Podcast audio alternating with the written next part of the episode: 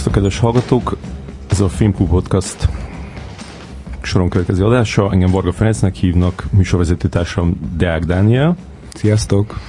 Mai vendégünk pedig Pataki Ági, egykori szupermodell, üzletasszony, aki filmproducerként olyan filmeket jegyez, mint az Üvegtigris sorozat, a Fehér Tenyér, a Fekete Kefe, a Fehér Isten, a Delta, Bibliotek Pascal, Déli Báb és a jelenleg moziba futó, mozikban futó Egy nap című film.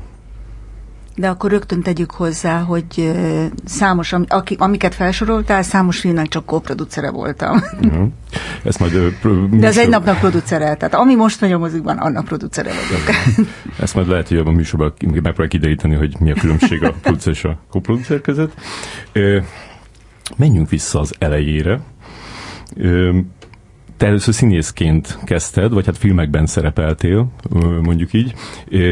Sándor Pál talált rád egy gimnáziumi osztály, osztályteremben. Ezt jól tudom? Hát most egész este korrigálni fogok, úgy látom, mert tehát, hogy a színészetnek nevezni, amit én csináltam 17 éves koromban, 18 éves koromban, azért az túlzás. Mm-hmm. Igen, kiválogattak filmekhez, és, és filmekben ilyen kisebb szerepeket játszottam. És a Sándor Pál úgy tartja, hogy ő fedezett fel téged? Abszolút úgy tartja, de igaza is van. Ja. Tehát jog, joggal tartja így, és, és ezen így szoktunk röhögni, hogy most jót tett velem, vagy rosszat. Követ, hogy így, így végignézzünk a filmográfiádon, akkor az tök jónak tűnik, mert hogy rendezett téged Sándor Pál, aztán Fábri Zoltán, Szász Péter, aki, aki a Szász János apukája, Timár Péter és Jancsó Miklós. Igen, jó, de hát ezek, ezek ilyen kis apróságok, szösszenetek voltak, szóval tényleg ne, hát ne, szóval azért erről ne beszélgessünk. Egy picit azért szeretnék. Tehát a, a, a, amit így meg is tudtam nézni, az, a, az, a, az az első filmed, az a Szeressétek Ódor Emiliát, és szerintem tök jó nyomott benne, tehát hogy ami, amit, ott, amit ott kell csinálni, nagyon jó a jelenléted a, a kamera előtt, és egy, egy ilyen érdekes személyiség villan fel ott a háttérben. Na jó, hát igen, ezt másképp látjuk ezt a kérdést, mert az, az ugye úgy történt, hogy iszonyatosan örültem, amikor Sándor Pál végigment Budapest összes gimnáziumán megnézett nem tudom hány ezer lányt, és ebből a hány ezer lányból én bekerültem ebbe a filmbe, de amikor, amikor lement a forgatás, és elkezdtek kapacitálni filmesek, hogy, hogy jelentkezzek a főiskolára, képzeljétek el, hogy annyira, akkor még főiskola volt a Színművészeti Egyetem, annyira észnél voltam 18 éves koromban, hogy eszembe se jutott. Tehát én a Sándor Pál e, forgatása alatt e, azt tanultam meg, vagy arra jöttem rá, hogy teljesen alkalmatlan vagyok arra, amit csinálok éppen akkor ott, uh-huh. és, és teljesen tehetségtelen vagyok, és szerintem ennél nagyobb ajándékot nem kaphattam volna Palikától. És tulajdonképpen azért Palika sem, Sándor Pál sem kapacitált túlzottan. Szóval szerintem ő azért azt látta, hogy én, hogy én nem vagyok tehetséges. És valahogy ez, ez, ez, ez nagyon jó volt, hogy ez így 18 éves koromban eldőlt, hogy, hogy valamihez nincs tehetségem, és azt nem is kell erőltetni. De aztán meg játszottál egy csomó filmben. Hát, de az nem volt, tehát az csak, azok csak inkább megjelenések voltak. Uh-huh. Nem kellett hozzá semmifajta... De, de, de miért, miért, minek ment oda? Tehát miért, miért mentél oda? Ez egy ilyen megélhetési forrás volt, vagy tetszett, tetszett ez a világ? Tetszett, hogy hívtak, 18 uh-huh. éves voltam gimnazista, iszonyatosan imponált, hogy hát már csak az, hogy így, így szemtől szembe láthatom Fábri Zoltánt, vagy, vagy, vagy mit tudom én, Töröcsik Marival egy öltözőben, vagy egy sminkszobában hmm. ültünk, aki egyébként megszólított engem, és iszonyatosan kedveseket mondott nekem annó, Természetesen azt hittem, hogy, hogy fogalmas sincs ma, ma már, hogy, hogy én akkor ki voltam, vagy hogy akkor találkoztunk, és képzétek el, hogy ö, csinálta a Töröcsik Mari egy tévéműsort, hm. volt egy ilyen beszélgetés műsor, ahova meghívott engem vendégnek, és hát gondoltam, hogy csak úgy érdekesség, az érdekesség kedvéért megemlítem neki, hogy, hogy, mi, hogy mi már akkor találkoztunk, csak hát ugye, és emlékezett hmm. rá. És emlékszett arra a mondatra, amit mondott neked akkor, az a szép mondat? Igen. És ezt, elmondod, ezt elmondod? Nem. A, abban műsorban sem mondtad el? Nem. Aha. De nagyon szépet mondod. Aha. De az sem volt elég arra, hogy azt gondolt, hogy, hogy, hogy, hogy lehet, hogy tehetséges vagy? Nem, nem, nem azt mondta, hogy tehetséges ja, vagyok. Nem, nem arra vonatkozott a mondat, hogy, hogy... Nem, nem is derült az ott ki egyébként.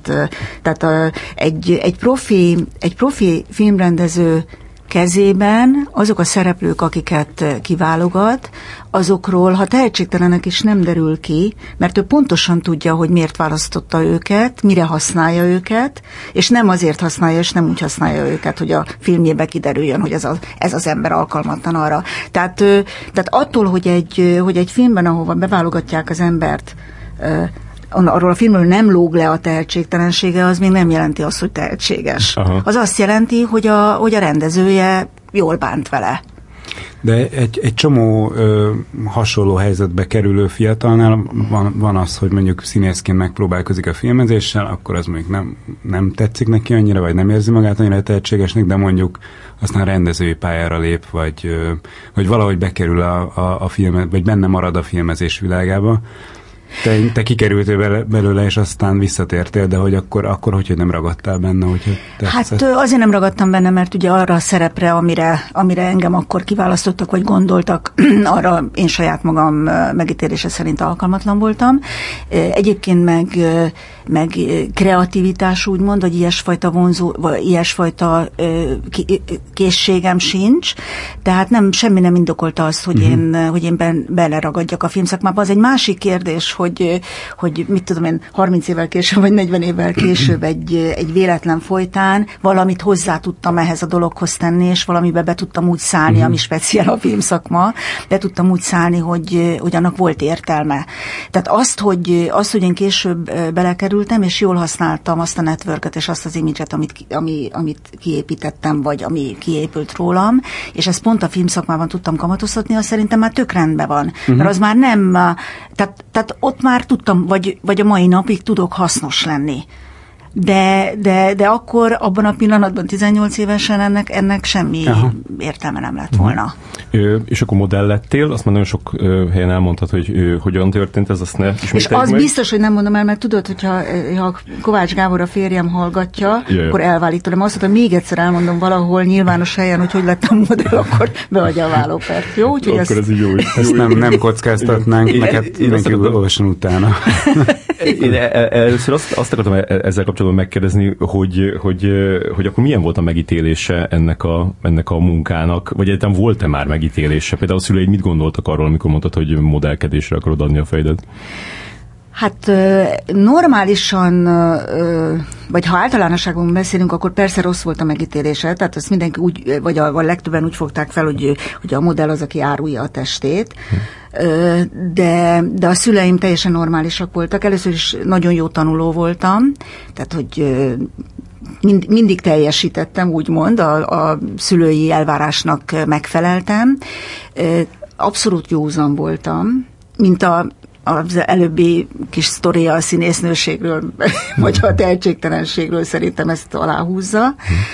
Tehát teljesen józan voltam, és és, és úgy ítélték meg, hogy hogy nekem ehhez kedvem van, akkor biztos én ezt rendesen fogom csinálni, mert mindent rendesen csináltam, mint hogy én is azt gondolom magamról, hogyha más csináltam volna, akkor azt csináltam volna rendesen. Szóval, hogy, hogy ez, egy, ez egy alkati kérdés, hogy valakiben szerintem mennyire lehet megbízni, és mennyire nem, és, és bennem meg lehetett, mm. meg lehetett bízni, és a szüleim mennyire normálisak voltak, hogy ezt felmérték. És gondolom, hogy hamar, elég hamar jöttek a, a, a, a sikerek is, olyan dolgok, amik az, a szüleid szemében sikernek tűntek. Hát egy perc múlva gyakorlatilag, ja. mivel akkor, akkor mégiscsak úgy em, érintem a, a, a pályám kezdetét, hogy véletlen, véletlenek sorozataként kerültem, a, ugyanúgy, hogy a filmezésbe is véletlenül kerültem, véletlenek sorozataként lettem úgymond ismert, és, és kerültem be a szakmába, és, és az, volt egy, egy óriás plakát, ami, ami Fabulon óriás plakát, ami az utcákra kikerült anélkül, hogy tudtunk volna róla, akár a szüleim, akár én, ami, ami iszonyatosan melbevágó volt, és, és ugye a, a, sem a hallgatók, se ti nem, nem tudjátok, vagy nem, nem emlékezhettek arra, hogy ez a 70-es évek elején egyáltalán az, hogy óriás plakát. Tehát ez, ez, a, ez ami rólam megjelent, ez az, az óriás plakátok első egy-két darabjában volt hmm. benne. Tehát most nem emlékszem, hogy előtte volt-e már, vagy ez volt az első, de így az első között volt. Tehát ennek nem csak az volt a, nem az volt érdekes, hogy van egy csaj, aki, aki egy teljes portré megjelenik az utcán, hanem egy, egy olyan eszközön jelenik meg, ami abszolút szokatlan volt. Aha. És, és akkor elmentek az emberek így elzarándokoltak megnézni? Hát ö, nem, mert ugye akkor ez még csak óriás plakátként jelent meg, és az csak később ö, történt meg az a nagy szerencse velem, hogy az már a 70-es évek végén volt, hogy a kőbányai gyógyszergyár, mert ők álltak a, mögött a, a termék mögött, a kőbányai gyógyszergyárnak volt egy, egy, egy eredendően művészettörténész reklámfőnöke, mm.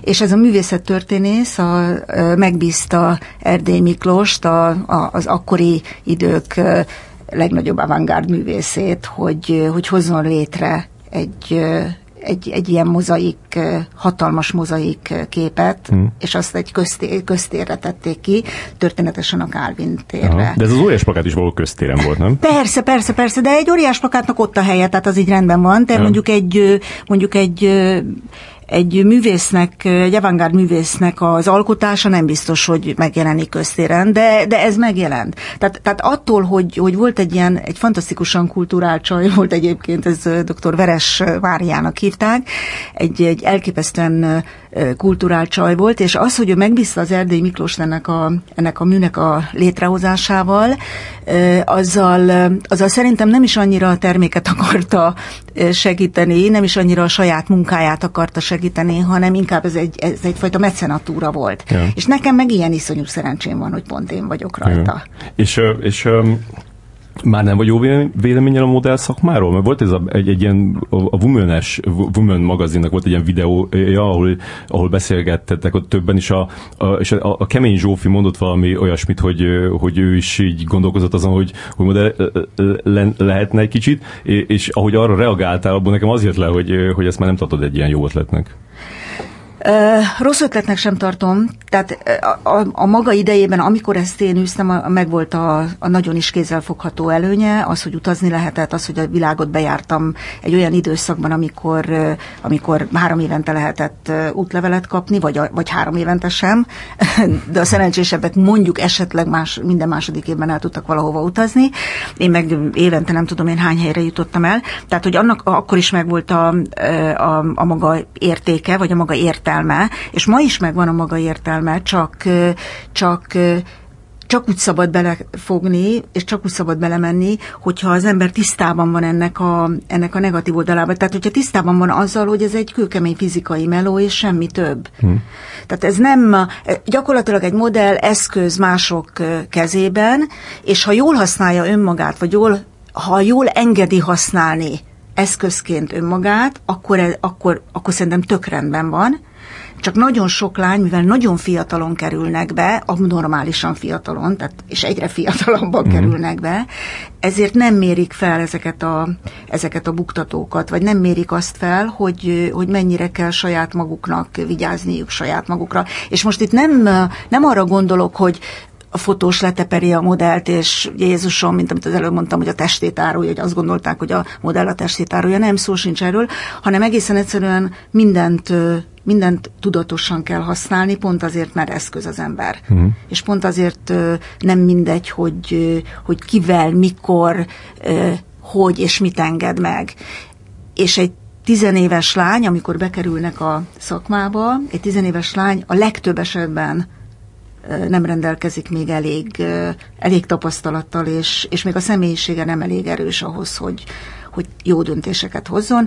Ilyenkor nagyon fontos az például, hogy honnan jön valaki. Mm. És te Ilyen... sokszor kerültél méltatlan helyzetbe? Tehát a, a, ahogy a, gondolom, hogy főleg az elején kerültem méltatlan helyzetbe, nem, nem, nem, nem, olyan, nem olyan fajta méltatlan helyzetbe, mert, mert úgy nem tudok méltatlan helyzetbe kerülni, mert mindig visszautasítok mindent, ami méltatlan. Hm. De például kerültem olyan helyzetbe, hogy hogy fürd, fürdőruhát fotóztam divatlapnak, az ez a divatnak, és mit tudom én, öt évre rá, a, amikor már nem is modellkedtem, hanem, hanem üzletem volt a a, a Váci utcában, akkor a, tudjátok, mindig a kéményseprők jönnek, akkor még voltak kéményseprők, és a kéményseprők jöttek ilyen kártyanaptárokat adtak a, az üzletekbe, betértek, vagy akivel, akivel éppen találkoztak, és akkor kaptak valami borra valót új évre. Aha. És egy ilyen, egy ilyen új év alkalmával egy kéményseprő hozott egy kártyanaptárat, amin én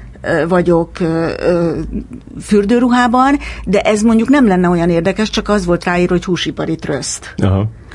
Hát szóval ezért, azért azt Igen. akkor úgy elég méltatlannak éreztem. Mm-hmm. És tudod, hát mit tudsz tenni? Semmit. Mm-hmm. És azt, azt sokszor érezted, hogy így, így alulértékelnek? Tehát, hogy így nem feltételezik rólad, hogy, hogy van eszed is? Uh, Hát nem, igen, tehát hogy, hogy találkoztam olyannal, ho, aki, aki megpróbált lenézni azért, mert, mert hogy modell vagyok, és de, de hát az nem járt jól velem. Mm-hmm. Tehát, tehát, hogy a, Mi aki, történt vele? Mert, mert, mert tudod, mert hát semmi nem történt, csak, csak én olyannal nem, nem mm-hmm. nagyon tartok kapcsolatot, vagy kikerülöm utána, vagy nem dolgozom vele, mm-hmm. vagy mert, mert szerintem, tehát hogy így a lenézésnek nagyon ritkán van létjogosultsága az életben. Mm.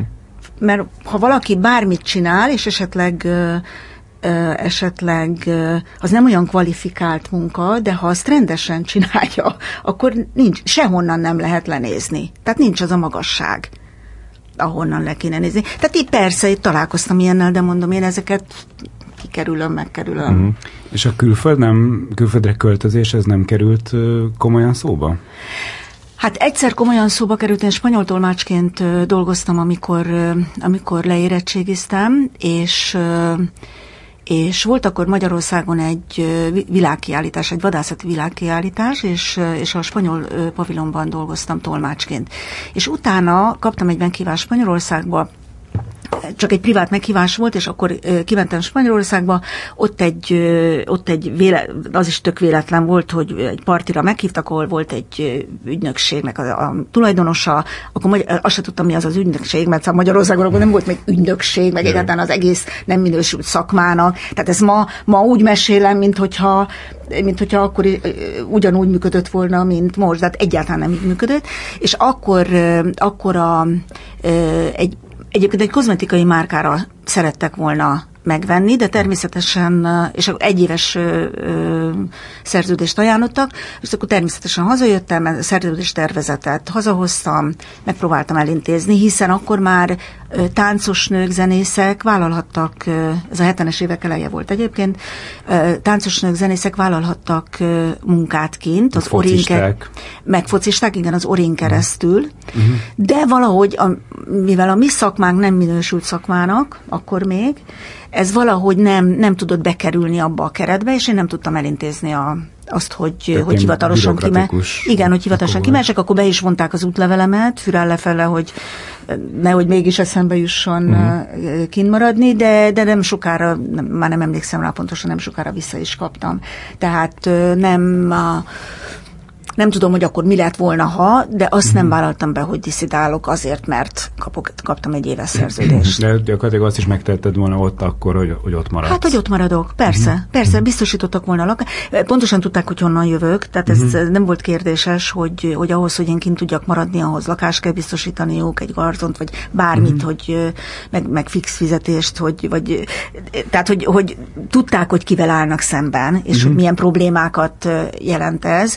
Biztos biztosítottak volna minden, de nem vállaltam be a, a diszidálást. És a pártnak voltak kérései? Tehát mondjuk egy ilyen, ilyen protokollális eseménynek a fényét emeld a, a, a jelenléteddel, jön valami fontos elvtárs, akkor, akkor ö, oda hívnak téged is. Ilyenek voltak? Kéré, nem, kérései nem, nem voltak a pártnak, meg, meg, meg egyáltalán senkinek, hanem inkább, inkább az volt, hogy, hogy azokat a lányokat utaztatták, akik akik, akikben olyan értelemben megbízhattak, hogy, hogy semmi olyan dolgot nem, font, nem fog nyugaton művelni, ami, ami esetleg deonestáló lehet hazánkra nézve és a szocializmusra nézve.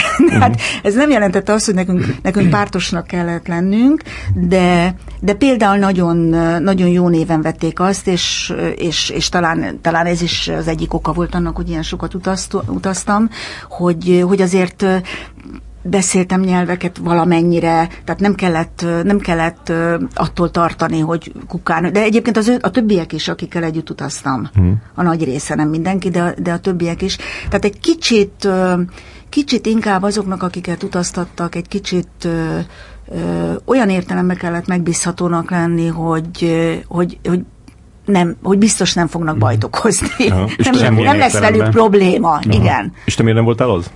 Hogy miért nem gondolták rólad, hogy te az vagy? Hogy azt gondolták, hogy az vagy? Hát aki 18 éves korában hát. reflektált magára, hogy ő nem elég tehetséges színésznő, és nem csábult el ebbe a világba, az arról gondolhatták. Igen, tehát hogy én, én ilyen értelemben megbízható voltam, nem, nem más értelemben, egyébként soha nem kerestek meg, és nem próbálták ki, hogy megbízható vagyok-e vagy sem, de, de bizonyos értelemben mégis megbízható voltam.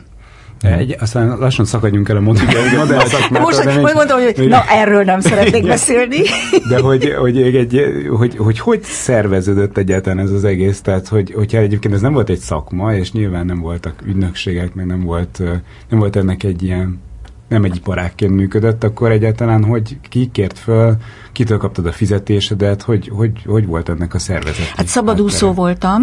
Ö, egyébként a Rothschild szalomban kezdtem bemutatni, tehát a Rothschild uh-huh. szalon akkor, akkor ugye az már nem létezik. Most egyébként az Olákata készített egy dokumentumfilmet a Rothschild Klári néniről, mert a Rothschild Klári néni azért volt érdekes, mert, mert a háború után működtetett egy szalont, aminek semmi köze nem volt a szocializmushoz. Tehát létezett egy, egy, egy kis sziget, egy nem tudom én, 300 négyzetméteres sziget Budapest belvárosában, ahova, ahova külföldi vendégeket vittek, külföldi ö, ö, kollekciókat mutattak be. Ö, én ennek a, tehát hogy én rögtön oda, oda bekerültem, egyébként tolmácsként uh-huh. kerültem oda, és ha már itt tartunk, és, és véletlenül mégis, mégis ott ragadtam, mint modell, és, és ez a, egyébként ezt járja körbe a, az Olákat a filmje, ami, amit most fognak bemutatni, de lehet, hogy be is mutatták, nem, nem tudtam elmenni a bemutatójára,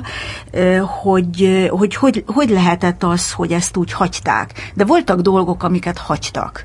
És, és ez a Rothschild szalon, ez egy ilyen volt, uh-huh, amit uh-huh. hagy működjön úgy, ahogy egy kapitalista szalonnak működnie kell, annyira sokat nem tud ártani. Hát meg a, pár, a pártelit feles, És hát például, igen, például a Kádár, Kádár felesége oda hordta a Titónétól kezdve az összes vendéget, hogy dicsekedjenek, hogy lám-lám nem is olyan rossz ez a szocializmus, hanem sőt, milyen jó. És te nem akarnál csinálni egy filmet erről a korszakról? Akár ilyen modell szemszögből? Ahogy olvastam róla, például hogy kiugrott nekem az, hogy, hogy, hogy Lantos Piroskának az élete, az például lehet, hogy tök érdekes lenne filmen is.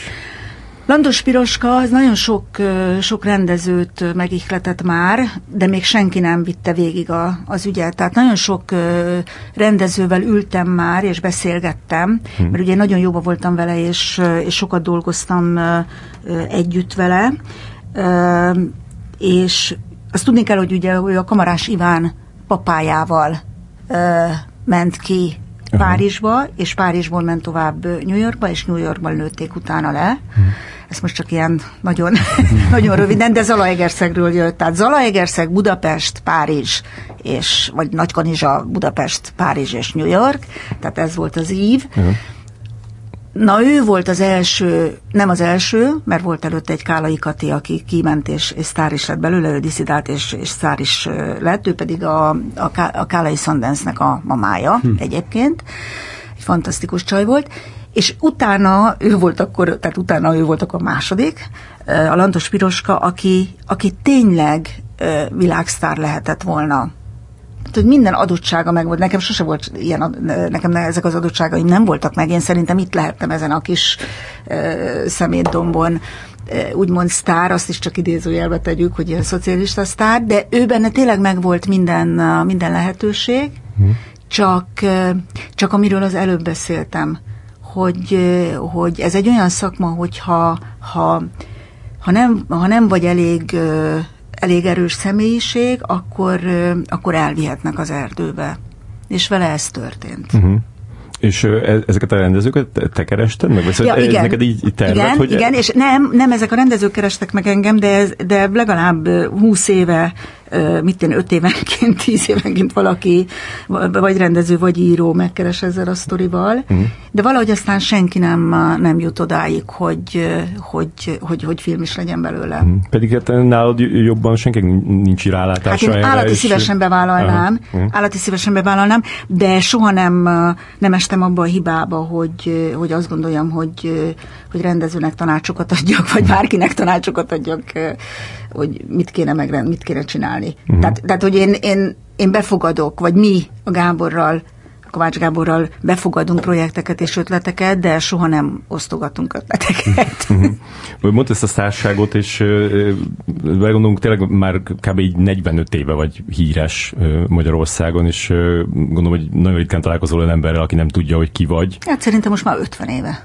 Lassan, igen. Tehát, hogy ennek a... Ennek a Osztok, szorzok, igen. Ennek a, keze, ennek a kezelésében voltak ilyen különböző korszakait, hogy így hogyan álltál ehhez hozzá?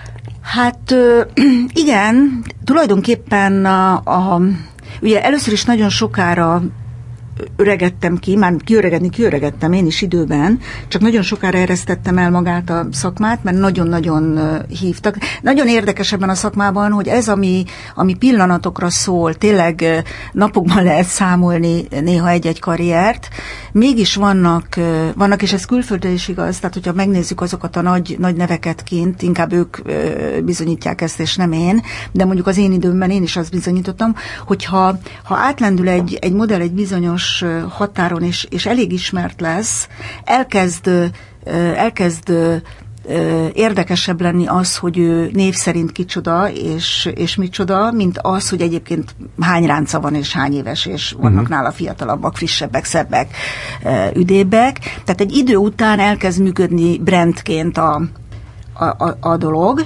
és, és, és valahogy ezt a kor problémát, meg az öregedés problémáját, ezt, ezt így át lehet ívelni. És, és én ilyen voltam, tehát hogy benne ragadtam 20 évig a szakmában, ami teljesen abnormális, mert egyébként hát maximum tized szabadna lehúzni egy ilyen, mm. egy ilyen szakmában, de a kinti, kinti nagyokat is látjuk, hogy bőven 40 felett 40 felett is használják őket, és, és sztárok tudnak maradni. Ha, De most ezt mit akartam, mi volt a kérdés, bocsánat? Hogy, hogy, hogyan kezelted ezt az ismertséget? Ja, igen, igen, tehát hogy azért kezdtem ilyen messziről, hogy, hogy különbözőképpen. Tehát akkor, amikor, amikor 20 év után lejöttem, úgymond a kifutóról, vagy egyáltalán bedobtam a törölközőt, akkor, akkor iszonyatosan rejtőzködő életmódra váltottam. Tehát, hogy nagyon-nagyon elég volt hmm. mindenből, de utána egyszer csak, és egyébként ez már köthető a filmhez, pont a pont az üvegtigrishez, hogy amikor,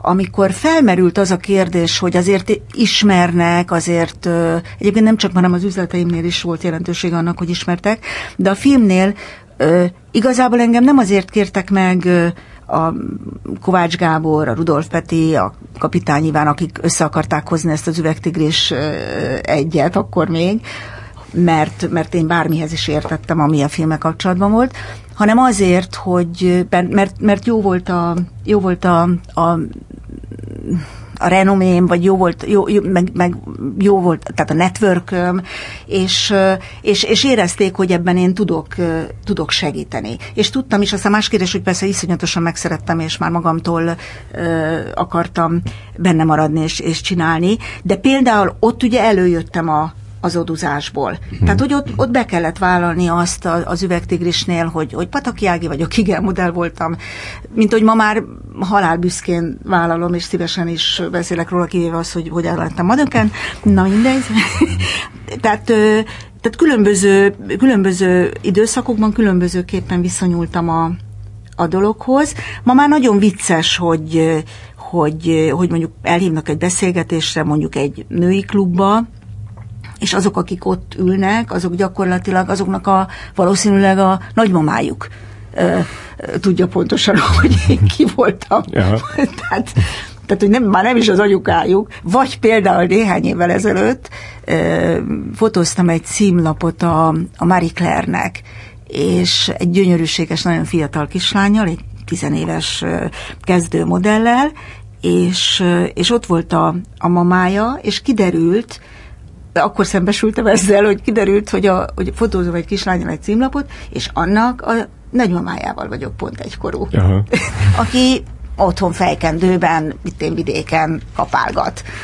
én meg ott kisminkelve az unokával kamera előtt pávázok. Szóval igen, különbözőképpen viszonyultam uh-huh. És a, a, a, a üzletasszony szakaszt azt átugorhatjuk, és akkor eljutunk a, a 90-es évek legelejére, amikor, amikor megismerkedtél Kovács Gáborral, vagy hát összeházasodtatok. E, erről van egy ilyen idézetem tőled, azt, azt mondtad, hogy amikor hozzámentem Gáborhoz, azt hittem, hogy én fogom eltartani, mert ő akkoriban velem ellentétben nem gondolt felelősséggel a hétköznapokra.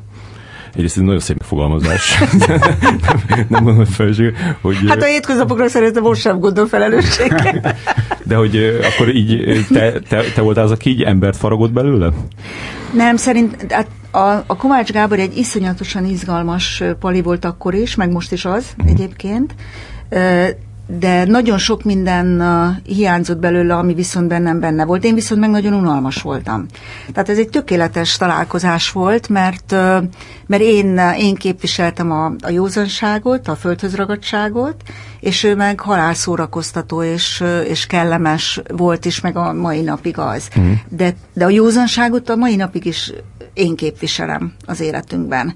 Ez nem jelenti azt, hogy, hogy bejött volna az, hogy, hogy én nekem kellett eltartanom, mert erről szó sincs, mert gyakorlatilag gyakorlatilag ezt az egész film, a filmbizniszt, amit csinálunk, ő tudná egyedül csinálni, én meg nem, nélküle nem. Mm. Tehát, tehát nem, hogy közös, közös sztoriban ülünk, hanem, hanem igazából én vagyok a, a tanuló mellette a mai napig, és ő az, aki, mert ő már az egyetemi éve alatt is a, a filmgyárban e, dolgozott, e, úgyhogy, úgyhogy ő az, aki, aki, aki, aki a primet viszi, amire egyáltalán nem lehetett, mármint szakmailag és karrierben, erre egyáltalán nem lehetett számítani akkor, Aha. amikor összekerültünk.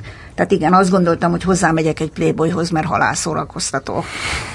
De egyébként ez a, a produceri munkátoknál is így van, hogy ő ő mondjuk bele tud szeretni egy, egy filmtervbe, amire azt gondolja, hogy majd az Oscar köszönő beszédét mondhatja el, és akkor Ági megszólal, hogy... De azt hát már azért... megírtad a síposék, sajnos elvitték előle. de, hogy, hogy, és, akkor, és akkor te meg megszólalsz, hogy hát, hogy azért jöjjünk vissza a földre, és azért nézzük meg, hogy mit csinált korábban az rendező, tehát te hozod be ezeket a az első, tehát abba, abban a szakaszban, amikor uh, mielőtt bevállalunk egy melót, amikor mielőtt egy projektet, mielőtt uh, azt mondjuk, hogy oké, okay, ezzel elkezdünk foglalkozni, azelőtt uh, azért nagyon soka, sokat vitatkozunk róla. És csak olyat, csak olyat vállalunk be végül, amit, amit mindketten szeretünk, vagy akarunk. Tehát olyat soha nem, nem vállaltunk még be, de, de viták előzik meg, tehát van olyan, van olyan hogy ő, ő akar valamit, és én nem, és, és nagyon sokszor van olyan, hogy én nagyon akarok valamit, és ő nem. De először mindig konszenzusra kell jutnunk. Tehát először mindig a másiknak meg kell szerettetnie azt a projektet, hogyha meg akarja csinálni. Olyat még soha nem csináltunk, ami, ami teljesen, tehát a másik ellenére Aha. volt. Mert, mert valahol, valahol állat érdekes, hogy mind, mindig azért van igazság a másiknak, és tudjátok, hogy, hogy hát pontosan tudjátok, felismeritek ezt a szakmát, hogy nem olyan fekete-fehérek ezek a dolgok. Tehát van olyan, van, van olyan amikor, amikor iszonyatos kredite van a, a rendezőnek, és tulajdonképpen látatlanba, behuny szemmel kellene igent mondani, uh-huh. de közben meg mégse tetszik a maga a projekt, a konkrét projekt. És egyébként a film alap is ezzel azért küzd szerintem bőven, amikor a pályázatokat ítéli el, hogy mi a fontosabb, maga az a projekt, vagy a rendezői kredit, amit hozott a rendező, és ez egy nagyon-nagyon nehéz kérdés és éppen ezért nagyon sok vitát is Igen. szül. Mert egy olyan rendező, akinek már van, van ö, renoméja, a, a, az egy gyengébb filmmel is be tud futni egy nagyobb kört, Igen. mint egy, egy ismert rendező egy tök Abszolút. jó filmmel. De mint hogy az utóbbi időben már így, így, így ketté lehetne választani a, a ilyen Gábor filmjei, meg, meg a te filmjeidet. Igen, most ketté váltak egyébként. Uh-huh. Nem volt ez, ez annyira tudatos, de mégis ketté váltak. A, a Szilágyi Zsófi egy nap című filmjét, mi egy inkubátoros film, azt, azt tulajdonképpen abszolút én én csináltam, de nem egyedül, hanem Kenesei Edinával együtt, tehát ketten vagyunk producerei a filmnek, a Gábor csak koproducer, annyiben persze az elején a, a, a Kenesei Edinának is első filmje, mint, tehát producerként ez az első filmje, és azért nekem is önálló munkaként szinte, szinte ez az első, és ezért a Gábor így mögöttünk állt a, a szakmai tudásával, de ezt, na, ezt nagyon hagyta nekünk. És, és a mai napig is a, az utóéletében is a filmnek, vagy hogyha fesztiválra megyünk, tehát hogy nagyon hagyja, hogy, mm. hogy ezt, ezt mi élvezzük ki ezt a dolgot, és, és, és nem azért, mert egy nem azért, mert ez egy női film, tehát nem, a, nem amiatt, mert egyébként imádja a filmet, és abszolút, tehát hogy ebben teljes konszenzus volt, mert ő nagyon-nagyon tehetségesnek tartja a Szilágyi Zsuft is, és nagyon örült ennek a filmnek, de egészen egyszerűen ezt így hagyta ránk, mert azt gondolta, hogy, hogy ennek a filmnek jót tesz az, hogyha ha ezt, ha ezt csajok csinálják. És lehet, uh-huh. hogy jót is tehet uh-huh. egyébként, nem tudom. Uh-huh.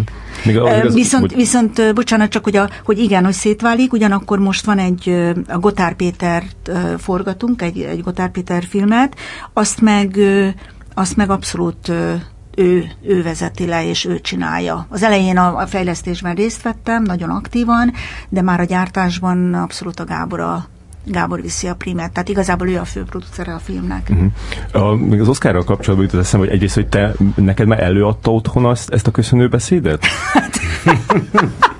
Nem, titokban tartja, de tudom, hogy már készült rá. Nem szokott vele hülyeskedni, hogy természetesen készül az Oscar beszédre, de mondom, hát ezt már most így egy, elvitték előle, úgyhogy most azért szerintem Még lehet. kell vele. Lehet, bármi lehet, igen. De ez, ez egy fontos cél, hogy így egyszer szeretnétek megnyerni az Oscárt?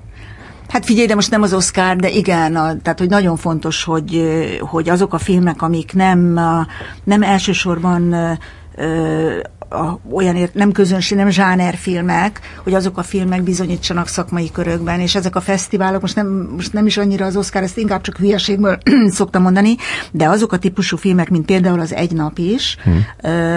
az például nagyon fontos, hogy, hogy, hogy Cannes-ban volt, nagyon fontos, hogy Fipreski díjat nyert, igen, nagyon fontos, hogy, hogy valamilyen visszaigazolást kapjon az ember. Igen. De ez nem, és ez nem csak a, nyilván az alkotónak a legfontosabb, de a producernek is nagyon fontos, hogy hogy, hogy bebizonyosodjon a szakma előtt, vagy hogy, hogy jól, jól döntött, jól választott, jó projekthez nyúlt. Volt már olyan projektünk, amihez nem kellett volna hozzányúlni, és, és tehát volt már bukásunk is. Hmm. De, de ezek, ezek a fajta fesztivál sikerek, meg meghívások, ezek, ezek nagyon jó visszaigazolások, különben, különben maga, maga a fesztivál is egy, tehát ott is van közönség. Yeah, persze. Szóval tudod, mert ezt úgy szeretik, a, szeretik, szeretik úgy tekinteni, amit nem néznek meg itthon sokan, hogy akkor az hülyeség volt, minek készült el. Jó, de néha hát, többen nézik meg egy fesztiválon. De hát néha külföldön többen néznek meg egy magyar filmet, ami fesztivál sikereket ért el, mint itthon egy, egy sikeres filmet, hm. szóval. És a, a nem is Most a tar, Tarbélát mondjuk... Hát, ja, ja. Tarbéla szokta ezt mondani, igen, hogy ha összeszámolnánk... Igen, ha összeszámolnánk, hogy igen, az ő filmjeit hányan, hogy hány éven keresztül leverni az üvegtigist. Most egyébként készül egy ilyen ö, website meg alkalmazás, ami összeszámolja majd. Komolyan, a, de jó. Az, hát a jelentősebb fesztiváloknak a nézőszámait, mhm. és akkor, akkor nem csak ilyen legendákról lehet építeni, hanem tényleg ott lesz. El, hogy és a, a nem le, hogy, hogy nem csaptatok le ő, még ott időben? Hát lecsaptunk volna, hogyha hozta volna hozzánk, de nem volt. Aha. Mert ugye, mert ugye az, az egy ideig a, a Protonnál volt, és ők, igen, ők, és ők, ők is vissza ők elengedték, elengedték igen, és igen, akkor igen. lehetett volna nektek. Akkor lehetett volna, mert a Protonnal volt egy ilyen, vagy van is egy ilyen nagyon szoros együttműködésünk a Mundrucó filmen koproducerként rész, Mundrucó filmekben hmm. koproducerként részt szoktunk venni, és biztos, hogyha nem eséles ott landolt volna, akkor abban is részt vettünk volna, de, de ez, a, ez a választási lehetőségünk nem volt hmm. meg. Tehát amikor ők elengedték, akkor, akkor igen, nem, igen, nem merült igen, fel, hogy... Igen, igen, uh-huh. igen, úgyhogy... Megbeszéljük akkor most ezt a koproduceri dolgot, hogy ez... hogy ez pontosan mit, mit jelent? Tehát mi, ja, mit jelent az, amikor producerek vagytok, és mit jelent az, amikor koproducerek? Hát, hát a producerség az egy halálosan komoly dolog, iszonyatos felelősséggel, míg a koproducerség az, az egyáltalán nem jelent ilyen felelősséget. Tehát én, én a fe, föl, elsősorban a felelősségben, nem is a munka mikéntjében és a munka ö, ö, súlyában érzem a, a, a legnagyobb különbséget, hanem a, hanem a felelősségben. Tehát mondjuk a, a Petrányi Viktória, aki ma Magyarországon az egyik legismer, legelismertebb producer, ő úgy áll a Mundrucó Kornél az ő rendezője mögött, hogy a Kornél bár tényleg neki tud támaszkodni. Mm. És, és szerintem ez egy rendezőnek egy iszonyatos nagy dolog lehet. Mm. Tehát egy olyan, olyan terhet vesz le a rendezőről, és, és az összes energiáját, tudását, tehetségét belerakhatja a műbe, a nagy műbe, ami nem mindig lesz nagy mű, de mindegy, tehát a, a projektjébe, ami, ami, ami nélkül, ami nélkül szinte, szinte féllábú féllábú óriás lehet egy rendező. Mert, mert nyilván vannak olyan rendezők, akik nem állnak. Azért hoztam minta, mintának vagy példának fel a, a, a Petrányi Vikit, mert ott ez nagyon, nagyon erős ez uh-huh. a mhm. felállás. És mi ezekben a filmekben részt veszünk koproducerként, de mi hely, lehelyettesíthetők lennénk. Mi azért veszünk ezekben részt, mert csodálói vagyunk a Vikinek is, meg a Kornélnak is, uh-huh. meg egyáltalán ahogy step by step felépítették, amit csináltak, és iszonyatosan szívesen vagyunk ennek részesei, és nagyon, nagyon és boldogan segítünk de nélkülözhetőek lennénk. De effektíven vagy mit csináltok? Lennénk. Hát például, például szerzünk pénzt, szerzünk uh-huh. támogatót, nagyon sokszor áthidaló, akár áthidaló kölcsönöket is tudunk nyújtani, uh-huh. olyan, olyan apró segítségeket tudunk, amik, amik így nem válthatók pénzre, de... Tehát erőforrásokat adtok Igen, mondjuk. igen, igen, igen, amire éppen szükségük van. De mondom, lecserélhető, egy, egy koproducer mindig lecserélhető. Hmm. Egy producer szerintem nem, ha jó, producerről beszélünk. Gábor mesélte itt, amikor volt vendég, hogy, hogy amikor egy, egy filmetek kijön a moziba Magyarországon, akkor ő, akkor ő nézi a neten a foglalásokat, Minden, este húha. beül a, a moziba és megnézi a közönséggel. Igen. Minden este. Aha. hogy téged is ennyire foglalkoztat a nézőszám? Ö, igen, én is izgulok, tehát hogy én is, én is foglalkozom vele, mert, mert annyira Szóval ez, ez nagyon igazságtalan, hogy annyira pillanatok alatt dől el egy film sorsa, hogy, hogy szinte olyan komolyan mondom, mint hogy egy ilyen szerencsejátékot űznél. Közben pedig nem azt űzöl, ugye, mert egy, egy mediket, egy projekt 2, 3, 4, 5 évig is készül akár, és, és, és ki tud múlni, meg tud halni egy, egy hétvégén, vagy egy hét uh-huh. alatt. Tehát borzasztó izgalmas az, hogy, de egyébként nem csak a sajátunkat nézi a Gábor, hanem így követi a szakmát, és nézi a többieket is. Uh-huh. Mert tényleg nagyon, nagyon érdekes, hogy, hogy mennyire lehet következtetni egy-két napos teljesítményből, az első napokból, de vannak kivételek. Ilyen volt például a, a valami. Uh-huh az például egy olyan kivétel volt, vagy, vagy akár még, a, még a, a, a valami Amerika egy is kivétel volt, mert állati szépen lassan épült fel, és nem, eh, nem hirtelen dőlt el a sorsa. De egyébként a, a például az üvegtigrisek is egy nagyon érdekes helyzet volt, hogy az mhm. első üvegtigris, ami, ami abszolút kult film, és amit, eh, amit azt gondolnánk, hogy eh, iszonyatos sokan néztek, meg azt nézték meg a legkevesebben. Igen, és a második az pedig ilyen második, óriási igen, nyitott, igen. tehát hogy tényleg az egy ilyen nagyon nagy ugrás volt. Igen, szóval tényleg, tényleg így szakmailag nagyon érdekesek ezek, a, ezek, a, ezek az adatok, amiket így a Gábor gyűjtöget a fejében. Mhm. és te hiszel abban, hogy, hogy, a, hogy a filmkritikák ki tudnak csinálni egy filmet? Mert például ez a, ez a Gábornak egy ez ilyen a, ez a véleménye, hogy, hogy, hogy negatívat írni egy magyar film bemutatóra e- előtt, azt nem szabad. Igen, a Gábornak az a mániája, hogy nem szabad. Szerintem Szerintem is az lenne az éldomos, hogyha a kritikusok megvárnák a, a bemutatót.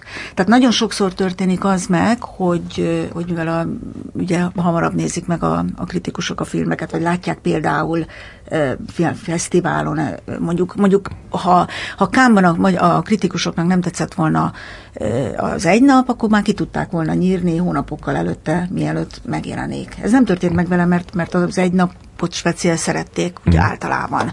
De, de igen, szerintem is nagyon Tehát én nem várom el a kritikusoktól, hogy a magyar kritikusoktól, hogy ne írják meg a, a véleményüket. A Gábor még néha azt is sért, sértőnek találja, hogy megírják. Bármikor megírják. Igen, mert hogy persze, hát mindenkinek joga van, meg az ő, ő dolguk, meg az, hogy megírják a véleményüket, mert ők meg, nekik meg az a feladatuk. De, de szerintem is a, az időzítéssel vannak problémák. Tehát a, a, én, én is azt gondolom, hogy, hogy bemutatói után illik főleg negatív kritikát írni. Uh-huh. Hát, és azt, bocs, csak az egy napról jutott eszembe, hogy, hogy, hogy azt nem bántátok meg később, hogy, hogy, hogy, hogy nem hoztátok ki rögtön Kán után a filmet? De, de én nagyon amellett voltam, hogy rögtön Kán után hozzuk ki, de nem lehetett egyszerűen összehozni. Tehát, uh-huh. hogy nem, nem volt rá nem volt rá idő, nem volt rá lehetőség, egy, fel kell építeni egy, egy, egy kampányt, még ha nem is nagyon látszódott ez a kampány, de azért mégis kampány volt. Uh-huh fel kell, pályázni kell szintén ugyanúgy, ahogy a filmre magára a, a kampány, tehát a forgalmazási pénzre, az is idő, azt fel kell építeni. Szóval egyszerűen, egyszerűen nem, nem, nem állt össze időben a történet. Tudtuk, hogy nehéz helyzetben leszünk, mert, mert hogy őszre már prognosztizálható volt, hogy, hogy nagyon sok magyar film fog kijönni, mm. de de nem volt más lehetőségünk. Hát meg, meg a, akkor iszonyatos uh, hype volt a film körül. Mondjuk mi ezt kámból követtük végig, tehát nekünk ilyenkor mindig ez egy kicsit csalódta is. Mert Igen. Azt gondoljuk, hogy az egész ország erről beszél, miközben ott ültünk a magyar pavilonban, és ott nyilván mindenki erről beszél, de, ez, de hogy a film, nem feltétlenül a film közeli ismerőseim is érezhető volt, hogy rácuppantak. Igen, szerintem jó lett volna akkor és kihozni. Igen, ami most arra még, mint hogy egy kicsit elmúlt volna, bár egyébként a számok meg nem rosszak, tehát... Nem, nem, 20 ezer fölé fog menni valamivel. Ami szuper tehát, jó. Ami szuper egy ilyen mm-hmm. low budget filmnél de tehát, hogy fölé fog menni abban, de, de, de mi többet is ö, beleláttunk uh-huh. egyébként. is pont a, pont, a, pont Kán után, és hogyha Kán után jövünk ki, ö, amikor nincs ez az iszonyatos dömping, ö, szerintem is, szerintem is ott egy lehet, hogy egy kicsit elszúrtuk, nem uh-huh, tudom. Uh-huh. Nem tudom, de nem, nem, vár, tehát nem volt forgalmazó, aki bevállalta volna, mi pedig nem tudunk forgalmazni. Amikor, ö, amikor Kámba beszél, beszélgettem veled, akkor a, ott azt mondtad, hogy, a, hogy, hogy ennek egy ilyen innovatív, radikális marketing kampányra lenne szüksége az, hogy így, így, így eljusson a, a közönséghez, hogy az szerinted így megvalósult? Nem, nem valósult meg. Én akkor azt gondoltam, hogy, hogy, hogy ez egy olyan típusú film, ami nehezebben fog átmenni de ebben tévedtem. Tehát, hogyha Kán után például meglöktük, be, be, belöktük volna a piacra ezt a filmet, egy teljesen normális kampányal, szerintem állati jó lett volna, és, és jó tett volna a filmnek, csak, csak amikor már kiválasztjuk a, tehát hogy én erről mást gondoltam, de nem értek igazán hozzá, és amikor már kiválasztjuk a, a, a, a forgalmazót, én onnan, én onnan nem kezdve nem szólok bele. Aha. Tehát véleményem van, de azt gondolom, hogy, hogy azért választottuk őket, mert bízunk bennük, és, és bízunk a szakmai tudásukban. Tehát onnan kezdve én nem... Te egyetem szólsz bele, tehát nem is beszélgettek arról? De, hogy... de, de, de, hát abszolút beszélgetünk, Aha. e-mailezgetünk, de hát nap mint nap tartjuk de a kapcsolatot. Őket. De nem kritizálom, mert, mert támaszkodom rá. Úgy, ahogy a rendező támaszkodik a producerére, a producer meg szerintem nyugodtan támaszkodhat a, a forgalmazóra, mert a forgalmazó ért ahhoz, hogy mm-hmm. hogy kell piacra Én azt furcsáltam, hogy, hogy ugyanazt a plakátot tartották meg, ami, ami, ami, ami, ká, ami kára gondolom, hogy össze lett dobva, de valahogy úgy, úgy abban én nem éreztem abban a plakátba annyit, amennyi tehát ennek a filmnek nagyon sok olyan aspektusa van, amit meg lehetett volna fogni vizuálisan, és, és ez a plakát az meg kicsit olyan, olyan semmit mondónak tűnt nekem. Hát nekünk tetszett ez a plakát. Hmm. Nekünk nagyon tetszett ez a plakát, és a, és a tulajdonképpen forgalmazónak is. Tehát ő készen kapta tőlünk ja. a plakátot, lehetősége lett volna lecserélni, de nem volt jobb, jobb ötlet. Most neked nem tetszik, de nekem meg tetsz, nekem meg pont, pont szerintem az a plakát valamit elmondott a, arról, hogy miről szól. Tehát a szétesését valaminek. Uh-huh.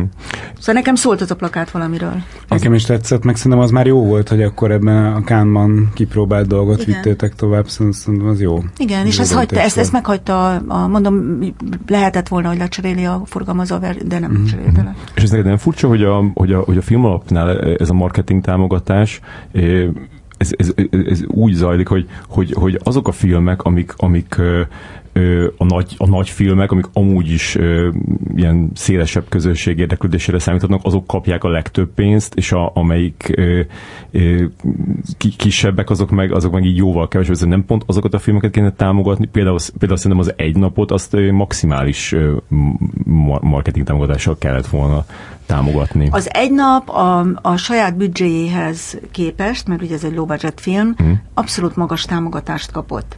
Tehát, tehát annyi támogatást kapott egyébként, mint, amennyi, mint amennyire számítottunk is. Tehát én nem vagyok csalódott az Aha. egy nappal kapcsolatban. De és amikor már kijön a, kijön a mozikba egy film, akkor már teljesen mindegy a büdzséje. Tehát ott, ott tényleg igen. az a lényeg, hogy, hogy látszódik-e, vagy nem látszódik. És igen, igen, de, de ennek a, en, szerintem, szerintem olyan értelemben jó, én még radikálisabb marketingre is gondolhattam volna, de, de én például elégedett vagyok ennek a filmnek a marketingjével, amit a, amit a forgalmazó és a marketinges összehozott, mert, mert azokban a körökben, ahol, ahol, en, ahol ennek a filmnek van sansza arra, hogy megnézzék, azokban a körökben erről a filmről tudnak. Tehát hallottak róla, tudnak róla. Most ez más kérdés, hogy nem mennek el 40 ezeren vagy 50 ezeren, amiben esetleg reménykedtünk, hogy hát ha, kán mm-hmm. után, főleg mm-hmm. kán után, de de nem gondolom azt, hogy azért nem mennek el, mert, mert el volt dugva, vagy nem látszódott. Yeah, yeah. Ne, és, és, ne, és azt sem gondolom, hogy minden filmet óriás plakáton kell uh, lenyomni az ember. Igen, sokkal. igen, igen, mert, mert vannak filmek, amiket, amiket kell, hogy tudjanak róla, de utána, utána a szájhagyomány kell, hogy elvigye. Uh-huh. Mint hogy szerintem a, a Zsófi, a, a Szilágy Zsófi ezt az egy napot, ezt is még sokáig fogják egyes árkmozik műsoron tartani. Igen. Tehát a, a plázákból nagyon-nagyon hamar kikerült, mert nem uh-huh. plázafilm, de, de én azt gondolom, hogy sokáig meg, látható lesz még a művészmozikban. Uh-huh. Ja, hát ez az tök lenne, hogyha, hogyha tényleg úgy tudná... Én valahogy így érzem, hogy bent fogják tartani. Uh-huh. Ö, különben ilyen, amikor, amikor a producerkedésbe így, így belesodródtál, az így, az így észrevétlenül történt, vagy, vagy, vagy így, így emlékszel arra, hogy mi volt az az első dolog, amit, ami, ami, amiről már így érezted, hogy ez már az? Hát az üvegtigris egy, a, a, belesodródtam, de lehetett érezni, hogy ennek van értelme. Mi volt az első fel, produceri feladatod, arra emlékszel? Igen, az első produceri feladat az volt, hogy próbáljunk meg állami pénzt szerezni, de nem sikerült. és akkor kínunkban, hogy nem sikerült állami pénzt szerezni, akkor elkezdtem, elkezdtem végigjárni azokat, a, azokat az ismerősöket, vagy potenciális szponzorokat. Uh-huh. Ott viszont egy csomó helyen sikerült, és amikor már összeállt a büdzsének egy része, visszamentünk az állami pénzért, és, és akkor valamit onnan is sikerült elhoznunk. Tehát tök, tök éreztem azt, hogy, hogy hasznos vagyok a sztoriban, és, és utána, utána meg megszerettem. Tehát, hmm. hogy utána már nem is, nem azért maradtam benne, hogy hasznos vagyok, vagy sem, meg most is van egy csomó dolog, amiben nem is vagyok esetleg olyan hasznos, de ott vagyok, és szóval például, most mondok egy, egy te tudod, Dani, mert, mert te részt veszel, te nyakig benne vagy az első pillanatok kezdve az inkubátor hmm. programban, és például én minden fejlesztésen, aki hozzánk kerül inkubátoros film, minden fejlesztésen ott ülök és hallgatózok. Hmm. Mert iszonyatosan érdekes a folyamatot végig, végignézni, végighallgatni. Annak nincs például haszna, tehát az nem hasznos, hogy én ott ülök, de, de engem érdekel, és szívesen ülök ott. És amikor szponzorpénzt mentél szerezni, akkor sok visszautasítás is volt?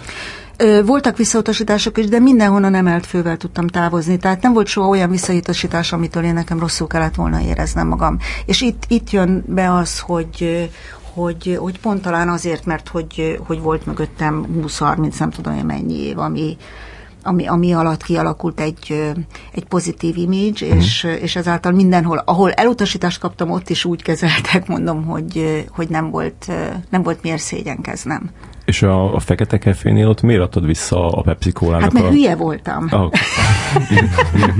mondjuk el, hogy, hogy, ez, hogy tehát, hogy a, megnézted az első vágatot a, a filmből, a Fekete Igen. Keféből, ami később megnyerte a, a filmszemmel fődíját, és aztán visszaadtad a támogatást a Pepsi Cola-nak, amit előtte gondolom, hogy kiharcoltál. Igen, el. igen, iszonyatosan nehezen szereztem tőlük szponzorációs pénzt, és amikor megnéztem az első a Rafkatot, akkor egyszerűen olyan abszurd és olyan lehetetlennek tűnt a film, hogy, hogy nem akartam felégetni a, a, a kap, tehát, hogy, hogy én, én azért, amikor, igen, én amikor, amikor szponzorpénzt ö, ö, hozok egy filmbe, akkor, akkor én a szponzor felé is felelősséggel tartozom, nem csak a rendező felé. Hm. És valahogy akkor úgy éreztem, hogy az nem lenne korrekt a szponzorral szemben, akik utána megnézték a filmet, és döbbenten nézték, hogy miért nem lehettek ők ebben benne. egy egy nagyon jó film, és imádom azóta is. Uh-huh. De akkor benne lettek volna, úgy, tehát mondjuk látszódott volna valahol a, a igen, igen, igen, igen, igen, igen, igen, igen, igen, De és az nem merült hogy megmutatod nekik? Vagy, vagy ez már egy menet Nem, nem, egyáltalán, tehát azt gondoltam, hogy ez... Inkább dugjuk el Igen, ez nem kérdés, igen. Ez ilyen általános nézet, hogy a, hogy a, hogy a producert az, az, az csak az érdekli, hogy, hogy minél fogyaszthatóbb legyen, legyen a, a film. Legalábbis egy, e, e, ez, ez valószínűleg egy tévhit, de mégis így ezt, ezt tartják róla, hogy, hogy hogy pedig lehet, hogy csak azt szeretné, hogy jobb legyen a, a, a, a, film, hogy nagyon, hogyha lennének ilyen, ilyen produceri vágatok a, azokból a filmekből, amiken te dolgoztál, az így nagyon másmilyen lenne, mint a, a, a, amit mi láttunk belőlük? Nem, nem, hát bennünk ez nem merül fel ez a kérdés, tehát nem merül fel az, hogy mi felülbíráljuk a, a rendezőt, uh-huh. vagy hogy persze gondolhatunk rosszat valamiről, vagy, vagy gondolkodhatunk kritikusan egy-egy dologról, de az fel sem merül, hogy, hogy az érvét, érvényesítsük az akaratunkat, vagy a hatalmunkat, vagy a pozícióból fakadó előnyünket esetleg ez nem ebben a nagyon nehéz néha? Tehát amikor, amikor tudod, hogy valami, vagy így százszerzeki meg vagy győződve róla, hogy valami nem jó, mert tapasztaltad már, vagy, vagy egyszerűen csak tudod, és, és, és akkor visszafogni magatokat, hogy nem, nem mert, meg a rendezőnek? Nem, mert még ha, még ha végére, mert ugye nagyon konfliktusos minden, minden rendező producer kapcsolat, mert ugye ellenérdekeltek vagyunk nagyon sokszor. Uh-huh. A, a nagy dologban egy, egyformán vagyunk érdekeltek, de a kivitelezésben nagyon sokszor ellenérdekeltek vagyunk, és nagyon sok konfliktus adódik ebből, de de ez soha nem vezethet bennünket odáig, hogy, hogy felülbíráljuk az ő kompetenciáját. És ilyen meggyőzés, tehát hogy mondjuk olyan előfordult, hogy, hogy, hogy próbáltad valamiről meggyőzni a rendezőt, hogy amúgy jobb lenne, ő ezt így nem fogadta el, és aztán kijött a film, és akkor így mondjuk visszahalt egy csomó helyről, hogy ugyanezt a hibát róják fel a filmnek, amit, amit te is mondtál. Hát most ilyen van, persze, hát mindig van olyan, ami, ami az abban azt gondolja, hogy én gondoltam jól, de, de mondom, tehát, hogy hatalmi, hatalmi pozícióból nem fordulhat az elő, hogy, hogy bármin is változtassunk, vagy elvárjunk bármit is. Hmm. Tehát akkor így tisztelitek a, a, a művészi szabadságot. Abszolút. Hmm. És melyik, melyik filmeket illed így produceri szempontból? Gondolom, hogy amikor Oszkár... Oszk... hát igen, a Sault. Ezt nagyon. Um, hát figyelj, de minden, minden olyan filmet, ami tetszik nekem, hmm. azt irigylek. De nem feltétlenül csak, azok, csak azokat, amelyik, amelyek szuper sikeresek lettek, hanem van olyan is, ami nem lett esetleg sikeres, de nekem nagyon tetszik, és akkor az kicsit irigykedek, hogy nem én csinálhattam, hogy nem lehettem benne valahogy. És a fiatal rendezők közül kik azok, akik olyan filmeket csinálnak, ami így a te ízlésed szerint való? Hát például a Szilágyi Zsófi. Ja. ő abszolút, abszolút olyat csinált. Most is van két, két inkubátoros filmünk, ami ugye még, még csak folyamatban van, mert még csak pályázat, pályázat előtt állnak, de már benne vannak a tízben. Dudás Balázs és Szilágyi Fanni, akikben nagyon bízunk. A tavalyi inkubátorosok közül a garázsmenetben benne vagyunk, mert ők bennük is bízunk. akkor mi van még? Ezek. Uh-huh. Ez ugye én is az inkubátorban dolgozom, és, és elég jó rálátásom van emiatt, hogy, hogy kik és hogyan működnek ebben a, a programban és, és ugye talán ti vagytok a legaktívabbak, tehát most épp nincs egy ilyen statisztika a fejemben, hogy melyik produkciós cég vállalta a legtöbbet az inkubátorból, de szerintem ti biztos, hogy benne vagytok a top kettőbe, vagy háromba.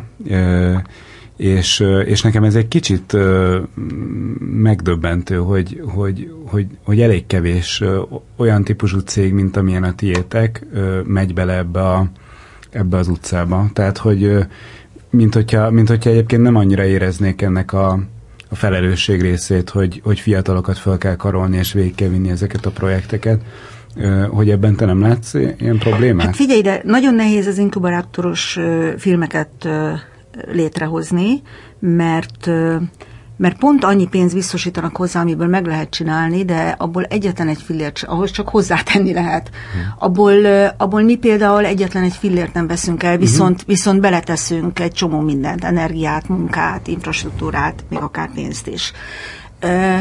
Vannak, vannak, vannak olyan produkciós irodák, akik nem engedhetik meg egyszerűen maguknak azt, hogy ne keressenek semmit egy filmen, mert, mert, mert abból élnek.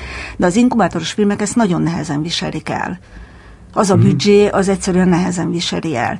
De mi, mi elsősor, nem elsősorban, de, de reklámfilmgyártó cég is vagyunk, és, és megengedhetjük magunknak azt, hogy lelkesedésből és, és szerelemből uh-huh. is dolgozzunk. Ennyi. Hát igen, ez, erre mondtam, hogy ez egy ilyen felelősségvállalás, de hogy egyébként meg amúgy meg itt vagyunk egy ilyen virágzó filmszakmában, tehát hogy, hogy a magyar film az talán sose volt ilyen jó állapotban. Igen. Iparilag is, meg kulturálisan is, mint most.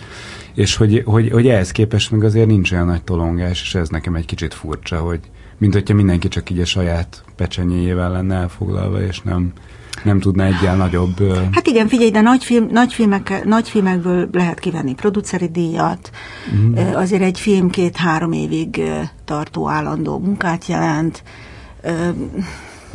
Igen, szóval itt van a, itt van a Szilágyi Zsófi filmje, ami, ami tehát hogy azt gondolom, hogy abszolút megérte megcsinálni, mert mert a kreditben pedig nagyon sokat fog számítani, de hát azért évekig dolgoztunk rajta egy fillér nélkül. Persze.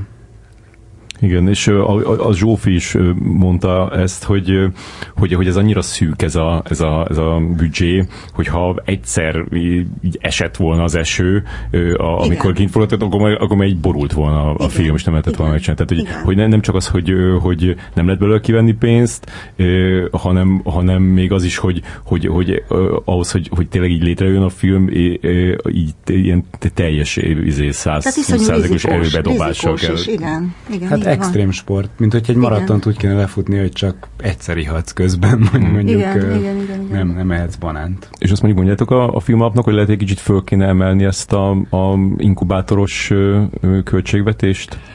Hát figyelj, de én, én, én ennek is nagyon örülök, hogy az egyáltalán van. Yeah. Tehát hogy én azt gondolom erről, hogy az azt jelenti, hogy a TAO-val együtt egy 88 millió forint körüli költségvetésről beszélünk, ebből azért valaki, ha tehetséges, már meg tudja mutatni azt, hogy ő tehetséges.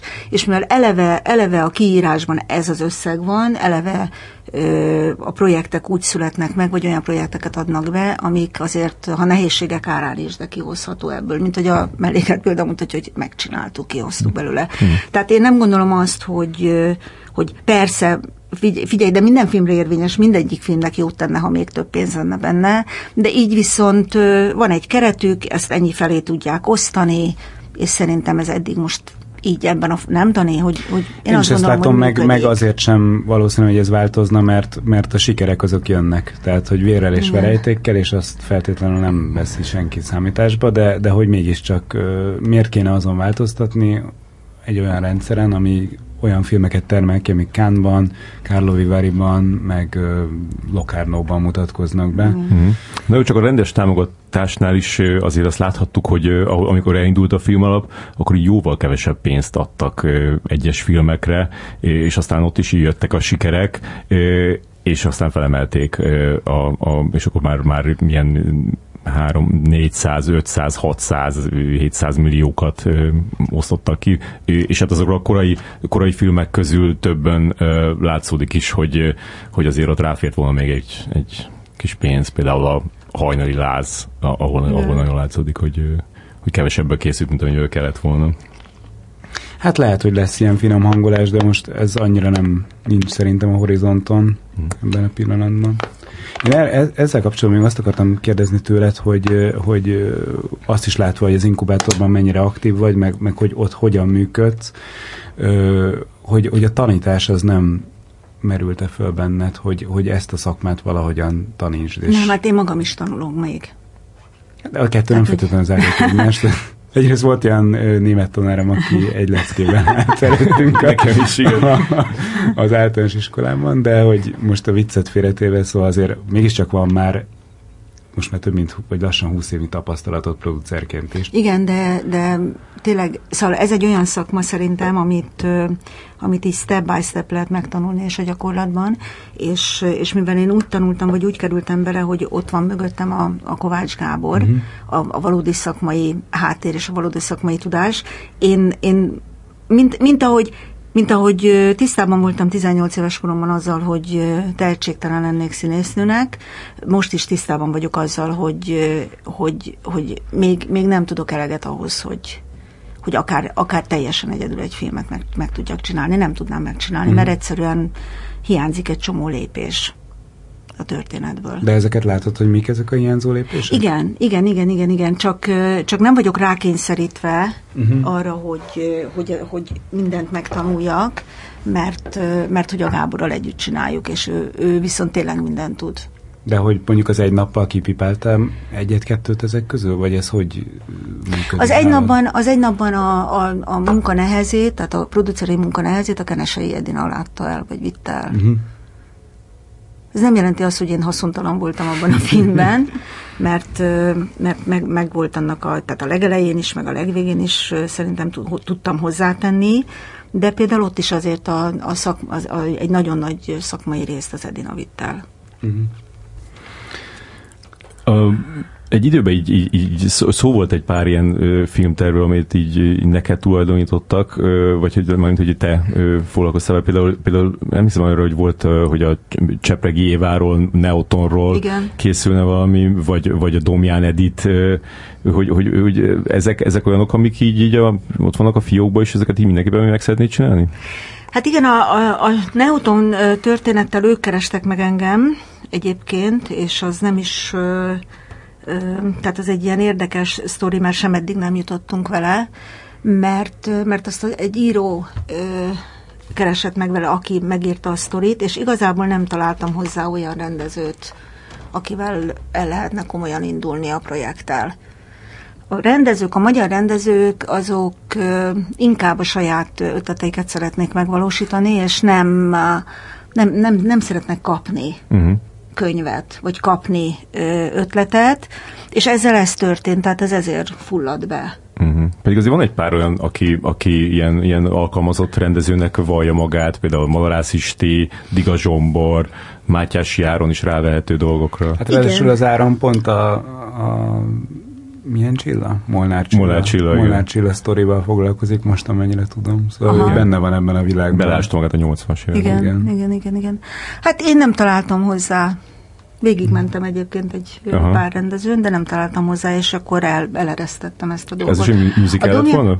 Öm, igen, igen, uh-huh. igen. A Domján Edit történetet nem eresztettem el, ott, ott van egy, nem, bár nem a Domján Edit, hanem a Szécsi Pál sztori, ott van egy befejezett fejlesztésünk a, a Kocsiságival, uh-huh. csak a Kocsisági most az Éden című filmet fejezi be, és utána nekiessünk. Tehát van egy készkönyvünk, amit elfogadott a filmalap, és azzal fogunk pályázni. Aha, tehát az, az igazából nem, tehát az egy szétcsipál történet, de hát szétcsipál összefügg, igen. igen. Uh-huh. Innentől már nem is nagyon szoktak így visszafordulni filmek, nem, hogyha már egy elfogadott uh, forgatókönyv van?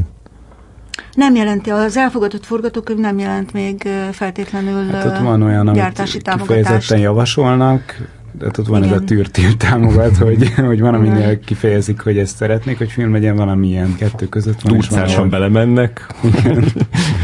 Valahol megmondják, hogy ez ennyi volt. Ja. És mondjuk egy ilyen, szé, egy ilyen Szécsipál Domjani tervnél az is egy ilyen, egy ilyen ö, pont, hogy találni kell egy embert, aki eljátsz a Szécsipált és Domjanit, ami nem lehet egy könnyű hát, dolog. Az iszonyatosan nehéz lesz annak a castingja. Uh-huh. De nem tartunk még ott, mert egyelőre még pályáznunk kell a a filmalaphoz a projekttel, és majd utána meglátjuk. De ahhoz nagyon sok, nagyon sok idő kell, és nagyon sok sok energia szerintem ott a, a, azoknak az meg. Egyébként, egyébként a, még a Domján Editet el tudom képzelni, hogy könnyebben megtaláljuk. Uh-huh. De hát ez is mondom rendezői kérdés, hát most csak ezt én így, uh-huh. az én, az én megérzésem, de a Szécsipát nagyon nehezen fogjuk szerintem. Hát igen, mert ott az énektudás Hát is... tudnia kell énekelni, iszonyú sármosnak kell lenni, uh, romának kell lenni, tehát hogy, hogy romának kell lenni igazából. Uh-huh. Uh, 20 éves, kell, kell tudnia játszani egészen fiatalt, uh, egészen az öngyilkosságáig. Szóval azért ez egy nagyon, nagyon komoly, komoly sztori. És mikor találkoztál össze Andy Vajnával? Jézusom. Puha. Először egy Vox. Emlékeztek még a Vox? Voltak ilyen Vox skálák. Voxkár. Voxkár, bocsánat. Azon. Aha. Azon, ahol én uh, uh, diátadó voltam, és Andy Vajna is diátadó volt. Aha, tehát akkor, ne, akkor nem találkoztál vele még a, a, az átkosban? Nem. Aha. Nem, nem. Nem, és itt is csak egy ilyen futó, futólag találkoztam vele. Uh-huh. És te, é, te érzel, érzel olyat, hogy tehát most mondta, hogy mondtad, hogy ez egy ilyen nagyon ideális állapot, amivel most van a, a, a magyar film, de hogy érzed, hogy ez egy ilyen nagyon sérülékeny valami egyben? Most arra célzol, hogy támadják a, a filmalapot? Nem csak arra, miatt, hanem csak valahogy, valahogy úgy, úgy tűnik, hogy, hogy, hogy, hogy mintha a, ezt az egészet, hogy ez, ez, ez, ez a, az ideális paradicsom állapot itt, itt létezhet, ezt, a, ezt, a, ezt az Andy Vajnának a személye szavatolja. Hát szerintem abszolút azt szavatolja. Tehát, hogyha ha, ha az Endit sikerül innen kibillenteni, akkor, akkor fogalmam sincs, hogy, hogy mi történik. Tehát most a, a, a magyar filmszakma gyakorlatilag szinte az egyetlen, ami, ami, ami csak tisztán szakmai alapon működik.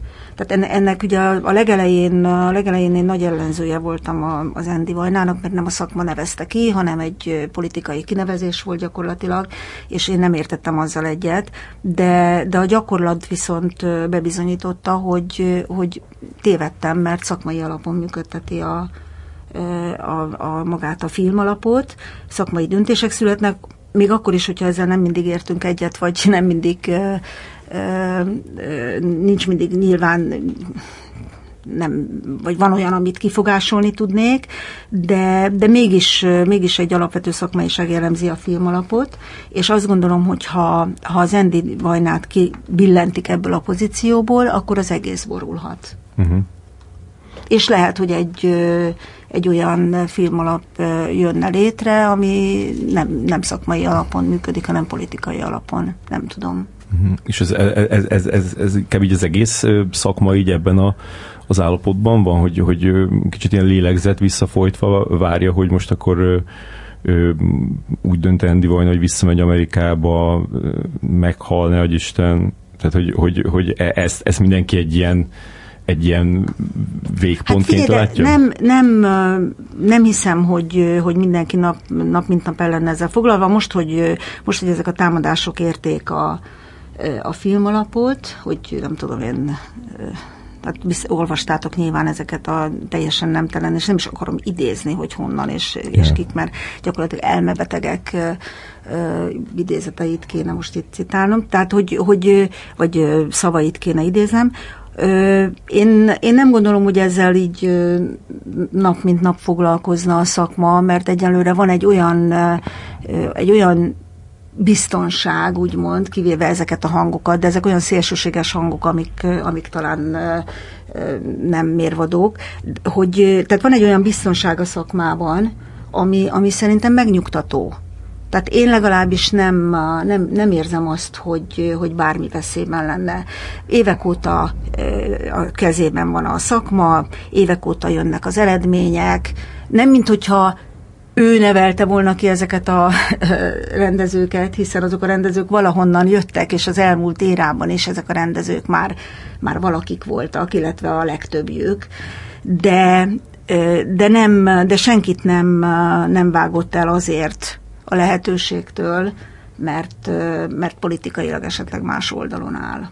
Egyébként is a művészeknek a nagy része liberális, úgyhogy ha művészetet akar valaki csinálni, vagy művészettel akar foglalkozni, vagy művészettel akar üzletelni, akkor ez kénytelen benyelni. Mm. Igen, és hát a film... És, a, és az Andy, Andy Vajna szerintem ezt felmérte. Őt az érdekli, hogy, hogy valaki mit tud letenni az asztalra, és, és nem az, hogy honnan jött, vagy hova tart. Igen, tehát őt, őt valóban az érdekli. Ő egy igazi profi csak, csak mondod azt, hogy, hogy, hogy, hogy, az, hogy az eredmények magukért beszélnek, minden, csak hogy meg azt is említetted, hogy, hogy ez az egyetlen terület, ami, ami úgy normálisan működik az országban, akkor viszont így feltételezhetjük, hogy, hogy nem fog számítani az, hogy, hogy, hogy mik az eredmények. Igen, de nem, akar, tehát, hogy nem akarok ezzel foglalkozni. Mm. Én nem akarok attól rettegni, hogy, hogy szeretek valamit csinálni, szeretek, szeretek egy szakmában működni, szeretem azokat az embereket, akik, akik körbevesznek most itt az alkotókra értem, és, és hogy ez, ez veszélyben van. Tehát tényleg nem, nem, nem akarok ezzel foglalkozni. Értem a, értem a kérdést, mm-hmm.